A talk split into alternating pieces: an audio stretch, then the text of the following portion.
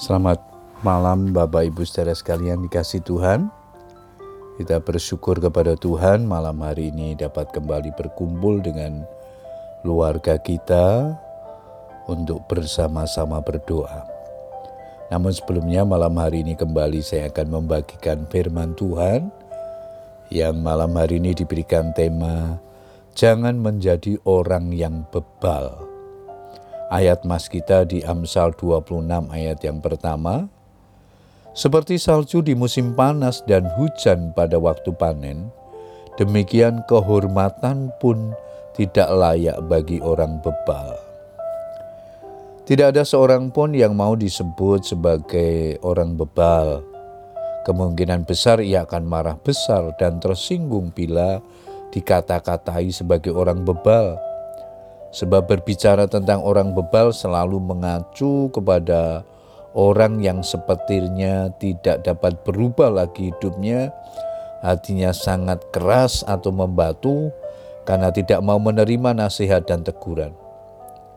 Memang kita semua tidak mau dan tidak ingin disebut orang bebal.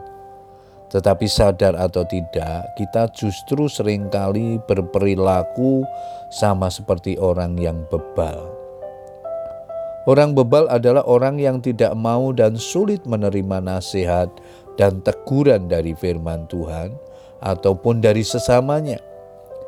Ia selalu merasa diri sebagai orang yang benar dan tidak pernah melakukan suatu kesalahan, selalu membenarkan diri sendiri dan merasa tidak perlu diajar dan digurui oleh orang lain. Ia menganggap yang harus berubah itu orang lain, bukan dirinya. Orang bebal adalah orang yang tidak pernah mau belajar dari pengalaman, sehingga ia berulang kali melakukan kesalahan yang sama, tapi tidak pernah disadari atau pura-pura tidak sadar. Penulis Amsal mengatakan, seperti anjing kembali ke muntahnya, demikianlah orang bebal yang mengulangi kebodohannya. Amsal 26 ayat yang ke-11. Sikap bebal ini ditunjukkan oleh bangsa Israel Sekalipun sudah diperingatkan berkali-kali, mereka tetap saja mengeraskan hati dan memberontak kepada Tuhan, dan selalu jatuh dalam kesalahan dan dosa.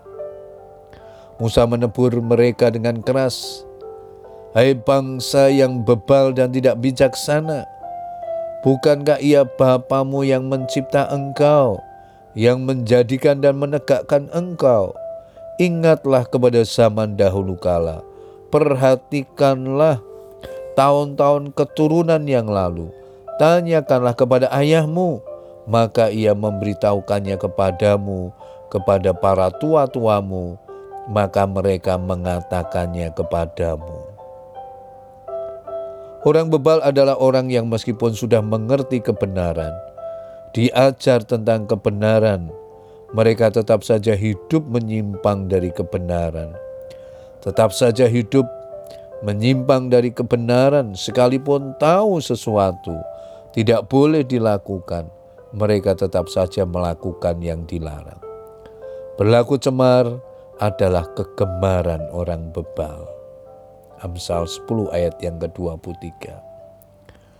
Bapak Ibu saudara sekalian dikasih Tuhan, hidup dalam kege kebebalan adalah pintu menuju kepada kehancuran hidup.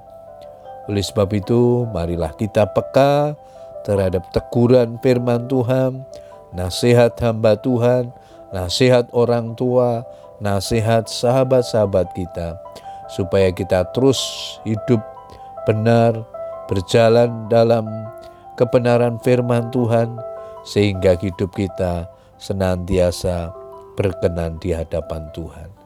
Kiranya Roh Kudus memampukan kita dan memberi kepada kita hati yang peka akan firman Tuhan. Selamat berdoa dengan keluarga kita. Tuhan Yesus memberkati kita semua. Amin.